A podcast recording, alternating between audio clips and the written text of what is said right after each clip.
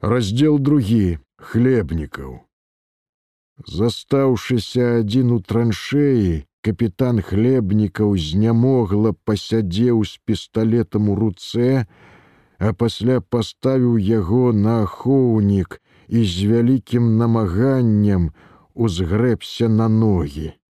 Пісталет ён ашчадна запіхаў у кішэню сваіх перапэцканых у гразі дыаганалевых брыджаў, а сам, расставіўшы ў бакі руки і лапаючы імі па сценах цеснай траншеі, пабрыў да напаўзаваленай нары, уваходу ў камандзірскі бліндаж, дзе ён бясконца доўга праваляўся ў кутку на нейчым пакінутым шынялі.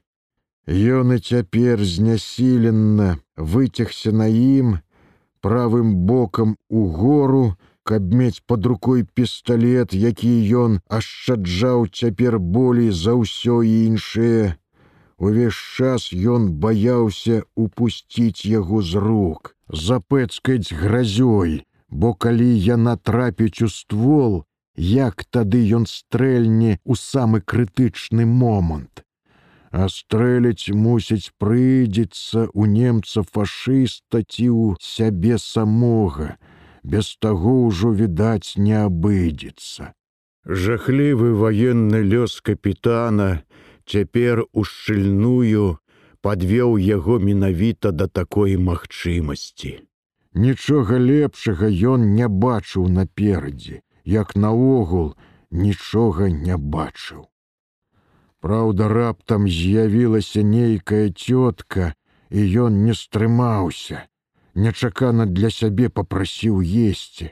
За час сваёй адзіноты і гэтага ранення ён мала таго, што напакутаваўся душу і целам, дык яшчэ і згаладнеў так, што ужо з вялікай натугай мог узгрэбсціся на ногі і выпусціў траншею. Яго ўсё хістала бы п'янага, кідала з боку ў бок.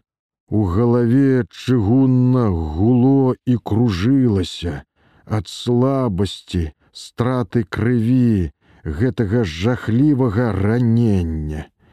Ён даўно страціў усялякае адчуванне часу. Нават звыклая змена сутак стала недаступнай яго разуменню, як зрэшты і ўсё астатняе, што адбывалася навакол. З таго моманту, як ён сунуўся ў тое агнявое правалле, што пагасіла ягоную свядомасць, усё для яго набыло новы сэнс, ці можа страціла усякі даступны свядомасці сэнс. Ён кепска разумеў, што з ім адбывалася і нават хто ля яго. Мабыць, абодва вокі яго выбіла выбухам. Скроні твар пякло несціханым агнём, але тое ён зразумеў пасля, а тады свядомасць яго затухла, на нейкі няпэўны час. Невядома, колькі ён праляжаў засыпаны зямлёю ў траншеі, але калі апрытомніў, яго ўжо перавязалі. Ці не сан інструктар другога батальёну. Ён пачуў недалёкі голас камбата глазырана, які пытаўся, што з ім, і той, хто перавязваў, адказаў: « Плохо дело, глаза. Что, оба? Донеслася здаля. Оба, товарищ капитан. Тут неподалёк грымнула некалькі выбухаў, на яго зноў сыпанула зямлёй, і ён пачуў толькі, як камбат закрычаў на некага, каб хутчэй адкрывалі агонь кулямёты. Хлебнікава таропка перавязалі, паклаўшы па камяку ваты ў абедзве вачніцы, з якіх усё паўзло сачылася нешта, сцякаючы па шчоках і падбароддзю, і ён раз-пораз выціраў іх запэцканымі ў гразі пальцамі. Нехта памог яму дабрысці да бліндажу і прытуліцца ў кутку на гэтым шынелку. Хлебнікаў маўчаў, ні пра што не пытаўся, трываючы жахлівы боль у галаве, Ён нават не слухаў грамоцце бою, якое невядома чаму стала патроху сціхаць. Найперш пацішэла на левым фланзе. Выбухі, здаецца, перамясціліся на касагорыну у бок вёскі любашы. Парадзела вінтовачнае грукаценне побач у траншеі, а галоўнае ён перастаў чуць галасы, ні крыкаў, ні размоваў, ні каманды. Яшчэ праз якую гадзіну стрэлы чуліся толькі за пагоркам, даносіліся дальнія кулямётныя чэргі. Там жа таўкла чахала артылерыя, толькі свая ці нямецкая ён зразумець не мог. Менавіта цяпер, як страціў зрок, ён пачаў слухаць, услухоўвацца ў гукі бою, каб нешта меркаваць аб ім. Дагэтуль жа яго клопат быў зусім іншы. Яму патрэбна была сувязь, якая ўвесь час ганебна знікала і рвалася. Праз гэты пракляты клопат пра сувязь ён і апынуўся тут у траншеі другога батальёну, дзе яго пільнавала няшчасце, але хіба ён мог тое прадбачыць знерваваны, раздражнёны начальнік штаба, які кіраваў боем пасля таго, як учора забіла снарадам кампалка сомова, сарваным голасам патрабаваў ад яго сувязь з першым і другім батальёнамі, якія трэція суткі адбівалі нямецкія атакі. Пасля нядоўгага перапынку, сувязь з першым батальёнам была ўсё ж адноўленая, а телефон з другім упарта маўчаў з паўдня. Хоць на лінію былі пасланы аж шасцёра сувязістаў, ды ніводзін з іх не вярнуўся.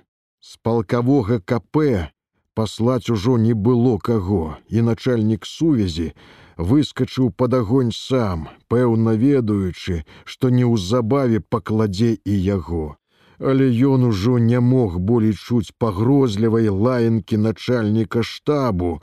У той момант яму было ўжо ўсё роўна выжыць або загінуць, толькі б аднавіць сувязь. Праўда, спярша яму нават пашчасціла. Ён зусім цэлы дабраўся да першай траншеі. У двух месцах зрасціў перабіты асколкамі провод, аднавіў сувязь і нават паспеў яшчэ далажыць пра тое начальніку штабу. Немцы жахліва лупілі снарадамі па касагорані і па батальёне, але тут у траншеі было спакайней, чым на голым полі і хлебнікаў рашыў трохі шчакаць, перш чым выпраўляцца назад. Зноў жа ён хацеў пабачыцца з камбатам, каб запытацца, колькі той яшчэ тут пратрымаецца з батальёнам. І толькі ён, прыгнуўшыся, сунуўся з бліндажу ў траншею, як цяжкі земляны пласт раптоўна ўзняты выбухам, а пантанна абрынуўся на яго, паваліў на спіну, і ён паспеў толькі падумаць, не трапіла ў поле дык во, дагнала ў траншеі. Пасля ён ужо нічога не памятаў, аж пакуль яго не выцягнулі з-пад землянога завалу. Трываючы востра пякучы боль у галаве, хлебнікаў ляжаў бліндажы і чакаў, калі хоць хто-небудзь зазірне сюды, каб запытацца, што там адбываецца, дзе камбат, Але ішоў час, напэўна, ўжо сціхаў бой, што толькі нёс ён палку перамогу ці паражэнне, а да яго ніхто не заходзіў. Тады ў свядомасць капітана пачаў паўсці страх, ці не застаўся ён тут адзін, ці не пакінулі яго чырвонаармейцы. Гэта было б жахліва. Да такога становішча ён быў не гатовы, Пра тое ён нават не мог падумаць, але, мабыць, пакінулі. Праз нейкі час вакол зусім сціхла, не стала чуваць ніводнага стрэлу ці выбуху ў полі, і над тарфянішчам, падобна, настала ноч. Але дзе ж нашы, дзе другі батальён, дзе камбат, дзе хоць бы які чырвонаармеец. Адзін без дапамогі, забыты ўсімі, ён тут прападзе, гэта ж пэўна, Вось з'явяцца немцы, шпурнуць у бліндаж гранату, якая у момант разматляе ягоныя вантробы, паперабівае руки і ногі. Добра, калі ён сканае адразу, А калі яны возьмуць яго жывым, напакутаваўшыся так у няпэўнасці, ён падняў свой пісталлет, даслаў з магазина патрону патроннік засталося даволі лёгкае націснуць на спуск і ўсё назаўжды скончыцца мусіць гэта ўсё ж самае лепшае бо іначай што ж чакае яго сляпога і бездапаможнага апроч пагібелі ад ворагаў ці ад свае раны? Не лепей ужо ён сам паднесці пісталлет да балючай няўклюдна тоўста забінтаванай скроні і ціскануць. Якую секунду болю у і без таго перапоўненай болем галаве і далей нішто. Поўнае вызваленне ад пакутаў і перажыванняў. Мабыць, так гэта было б найлепей, думаў капітан хлебнікаў, і гэта прыйдзецца зрабіць. Толькі вось рашучасці на тое ў яго не хапала. Усё ён чагосьці чакаў, услухоўваўся, цягнуў, нібы на што спадзяваўся. Хіба спадзяваўся на цуд. Але ішоў час, адсюда не адбывалася, і ён лаяў сябе, абзываў баякам, слізняком, Ён ужо сябе ненавідзеў за сваю нерашучасць і нудзіўся, пакутаваў ад болю і безвыходнасці. Бясконца доўга цягнуўся час. Хлебнікаў змагаўся з болем, і то забываўся, то губляў прытомнасць, можа нават знясілены болем драмаў, то ўсхопліваўся слухаў. Часам рабілася холодна, ці гэта яго знабіла, цела біла дрыжака, і ён спрабаваў хоць як-небудзь сагрэцца, захінуцца шынялём, на якім ляжаў, то рабілася горача і ён пацеў, абліваючыся гарачым потам. Мінуў, мабыць, не адзін дзень, хоць ён зусім не мог адрозніць дня адначы. Страляніна даўно спынілася, і вакол было ціха і глуха быў падзямеллі. Ён і сапраўды быў падзямеллі. Воддаль ад дарог, у поле пад вёскай з такой памятнай для яго і ласкавай назвай любашы. Неяк ён прахапіўся ад гулу, што глухаватай магутнаю хваляй аднекуль плыў бліндаж, але паслухаўшы, ён падумаў, што гэта, мабыць, гудзе на шашы за тарфянішчым. Шаша брукаванка была ўсё ж далекавата ад участку другога батальёну. Ён гэта памятаў з карты, якую трымаў у руках на КП, яшчэ калі яны ладзілі тут абарону. Шкада тады ён не надта цікавіўся наваколлем, не паглядзеў, дзе яшчэ былі вёскі, Хаця што яму цяпер вёскі, хіба ён дойдзе да іх. Невядома ўжо ці ён спаў ці ліпеў на мяжы страты прытомнасці, але неяк адразу пачуў блізкія ад траншеі крокі і схапіўся за пісталлет.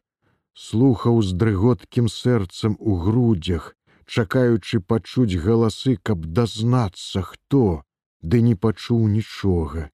Ціхія крокі чалавека, які нібы крадзецца, спыняецца, слухае, чуліся ззаду ад бліндажу на тыльным баку траншеі, і ён раптам спалохаўся, што ўпусціць гэтую рэдкую магчымасць азвацца, але як было і азвацца, А калі там немец і ўсё ж ён не стрываў з пісталетам у руках выпаўз у траншею, упіраючыся ў мокрыя сцены плячмі і локцямі, неяк устаў на ногі і падаў голас.